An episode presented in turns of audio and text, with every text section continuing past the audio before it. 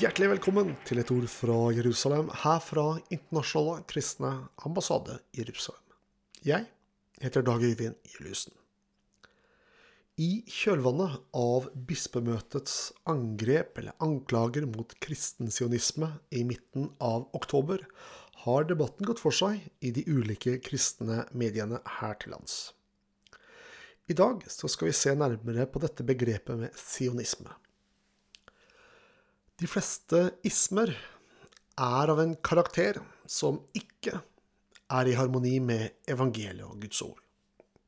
Ofte er det tvert imot, f.eks. nazisme, fascisme, islamisme, ateisme, buddhisme, hinduisme osv. Imidlertid er det én isme som er eh, annerledes, og det er sionismen. Kanskje det også er andre. Store norske leksikon innleder forklaringen på hva sionisme er, med følgende. Sionisme er opprinnelig betegnelsen på det jødiske folkets ønske og håp om å vende tilbake til sitt gamle hjemland i landet Israel. Når man mener at jødene har en rettmessighet til å bosette seg i Israel, så er man kort sagt en sionist. Dette kan alene være forankret i histor en historisk forståelse, altså en forståelse av historien og internasjonal lov. Da med henblikk på jødenes eldgamle tilknytning til landet, og prosessen som er knyttet til Barfor-erklæringen, San Remo-konferansen og Folkeforbundets Palestina-mandat. Ved siden av dette kan man også være en som tror på den bibelske sionismen. Følgende punkter som vi skal ta opp nå, er en enkel oppsummering av denne. I eh, alle kirkesamfunn og de ulike trosretningene så er det ulike nyanser og forståelser av ulike elementer av Guds ord. Slik er det også helt sikkert blant Israels kristne venner. Likevel, la oss gå gjennom syv viktige punkter her. Nummer én, det er pakten. Jødenes særskilte rolle i Guds store frelsesplan, som jo spenner over årtusener, er helt unik. Denne rollen er forankret i Guds utvelgelse og pakt med Abraham og hans etterkommere, det jødiske folket. Denne pakten innebærer at Gud ensidig har utvalgt det jødiske folk og også gitt dem et land. Dette leser vi om i Første Mosebok kapittel 15, for eksempel. Pakten ble ikke inngått av Abraham, men den fant sted suverent og ensidig fra Guds side. Det innebærer at verken Abraham eller hans etterkommere kan bryte denne pakten, for det var ikke de som inngikk den.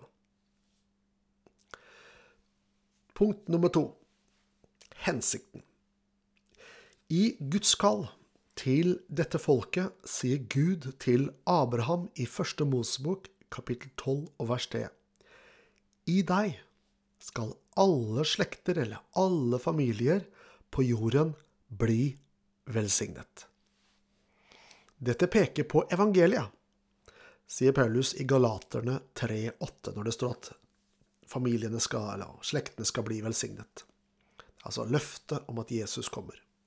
En frelser som skulle fødes i hans ettertavle. Med andre ord ble jødene utvalgt for å bringe frelse til en verden som ligger i det onde. Jesus formulerer det slik Frelsen kommer fra jødene.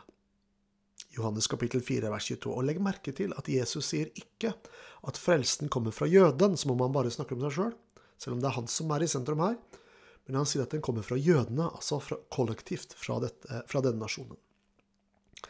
Det er ikke slik at Gud elsker dette folket mer enn andre. Hans kjærlighet til alle er betingelsesløs og uten grenser. Derimot er dette folket utvalgt til et særskilt oppdrag her i verden. Vi skal snakke mer om dette, men først skal vi høre på musikk.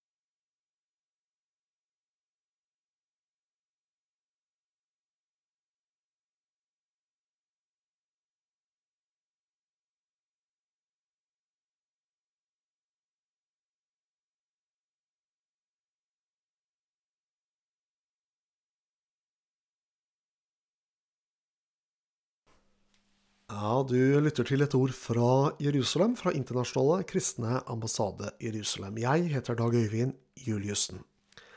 Og i dette programmet så ser vi på dette begrepet bibelsk sionisme. Og vi har sett på de første to punktene i en liten argumentasjons... eller en liten beskrivelse her av hva denne bibelske sionismen er for noe. Det første var at Gud har inngått en pakt med dem, med jødefolket. Det andre er at de er kalt ut og utvalgt til en hensikt om å bringe frelse og Guds rike til denne verden. Og punkt tre eh, i forståelsen av denne bibelske sionismen, det er at i Guds paktsinngåelse med dette folket, så ble det gitt dem et land. Det landet skulle bli arenaen for alle de store hendelsene i frelsesplanen. Her åpenbarte Gud seg for dem, og her ble Guds ord gitt til dem i det hele tatt utspant for det meste denne historien seg i dette landet. Punkt nummer fire, og det er Jerusalem. I landet Israel har byen Jerusalem en hovedplass. Alle de store hendelsene i frelsesplanen har utspilt seg og kommer til å finne sted i denne fysiske hovedstaden. Det er høyst trolig at her åpenbarte Gud et annet offer når Abraham skulle ofre Isak. Her var Gud midt iblant sitt folk når tempelet ble innviet og Herrens herlighet fylte huset. I denne byen fant selve episenteret av frelsesplanen sted, eh, sted når Jesus på korset ropte ut 'Det er fullprakt'. I denne byen ble han gravlagt og sto opp igjen. Fra utsikten Utover denne byen reiser han hjem til himmelen fra Oljeberget. Og i denne byen ble Den hellige ånd utøst på pinsedagen. Det er ikke for ingenting at Jesus sier at vi ikke skal sverge ved Jerusalem, fordi det er den store kongens by. Mange kristne tror også at Jesus kommer tilbake til denne byen, Jerusalem, og setter sine føtter på Oljeberget, og at Herrens ord skal gå ut derfra. Punkt fem, og det er gjeninnsamlingen av det jødiske folk. Jødene ble fordrevet i år 70 og endelig i år 135 etter Kristus. Dette ble innledningen på en lang epoke som f.eks. Moses beskriver i 5. Mosebok kapittel 28. Samtidig taler både Moses og nesten alle profetene om at jødene en dag skal tilbake igjen. Eller rettere sagt, Gud skal hente dem hjem til landet han en gang ga dem. Esekiel 36, 24 sier det slik. For jeg skal ta dere fra folkeslagene og samle dere fra alle landene, og jeg skal føre dere inn i deres eget land. Og Jeremia forkynner i kapittel 31, 10. Hør Herrens ord, dere folkeslag, og forkynn det for fjerne kyster og si. Han som spredte Israel, skal samle ham, og han skal vokte ham slik en hyrde vokter sin flokk. Det har aldri skjedd i historien at et folk har blitt fordrevet fra sitt land for å komme tilbake etter flere århundrer. Men dette er jødenes historie, nedfelt i Bibelen før det skjedde. Dette bygger ikke på noen spekulative teorier på hva som skal skje, men er tvert imot en erkjennelse av hva som skjer i dag i lys av Bibelen. Punkt 6. Og den handler om en åndelig forandring. Bibelen beskriver også at når folket kommer hjem til landet, altså jødene kommer hjem til landet, så vil det føre til en åndelig forandring. Esekiel kapittel 36 sier i vers 24.: For jeg skal ta dere fra folkeslagene og samle dere fra alle landene, og jeg skal føre dere inn i deres eget land. Så, altså når dette har skjedd, så skal jeg stenke rent vann på dere, så dere skal bli rene. Jeg skal rense dere fra alle deres urenheter og fra alle deres avguder. Jeg skal gi dere et nytt hjerte og gi dere en ny ånd i deres indre. I det store bildet er det altså i kjølvannet av gjenkomsten til landet at Gud kommer til å gjøre et verk i deres indre. Paulus skriver om disse fantastiske ting som skal skje, eller som Gud skal gjøre, i Romerbrevet kapittel 11, og han konkluderer og slik skal hele Israel bli frelst. Og til slutt, og det er punkt syv, og det handler om menigheten, altså oss kristne. Ut ifra erkjennelsen av Guds fortsatte pakt med dette folket, og ut ifra forståelsen av deres unike rolle i Guds store frelsesplan, tror vi at vi har et ansvar i å stå sammen med dem. Paulus sier rett ut i Romerne 1527 at vi står i gjeld til dem, og at vi plikter å velsigne dem materielt. Dette er essensen av en bibelsk sionisme som eh, gir oss en forståelse av nasjonen Israel og jødenes rolle i Guds store frelsesplan. Du har lyttet til et ord fra Jerusalem. Jeg, Dag Øyvind Juliussen, takker for følget og ønsker deg Guds rike velsignelse. Dette har vært en produksjon fra Internasjonale kristne ambassade Jerusalem.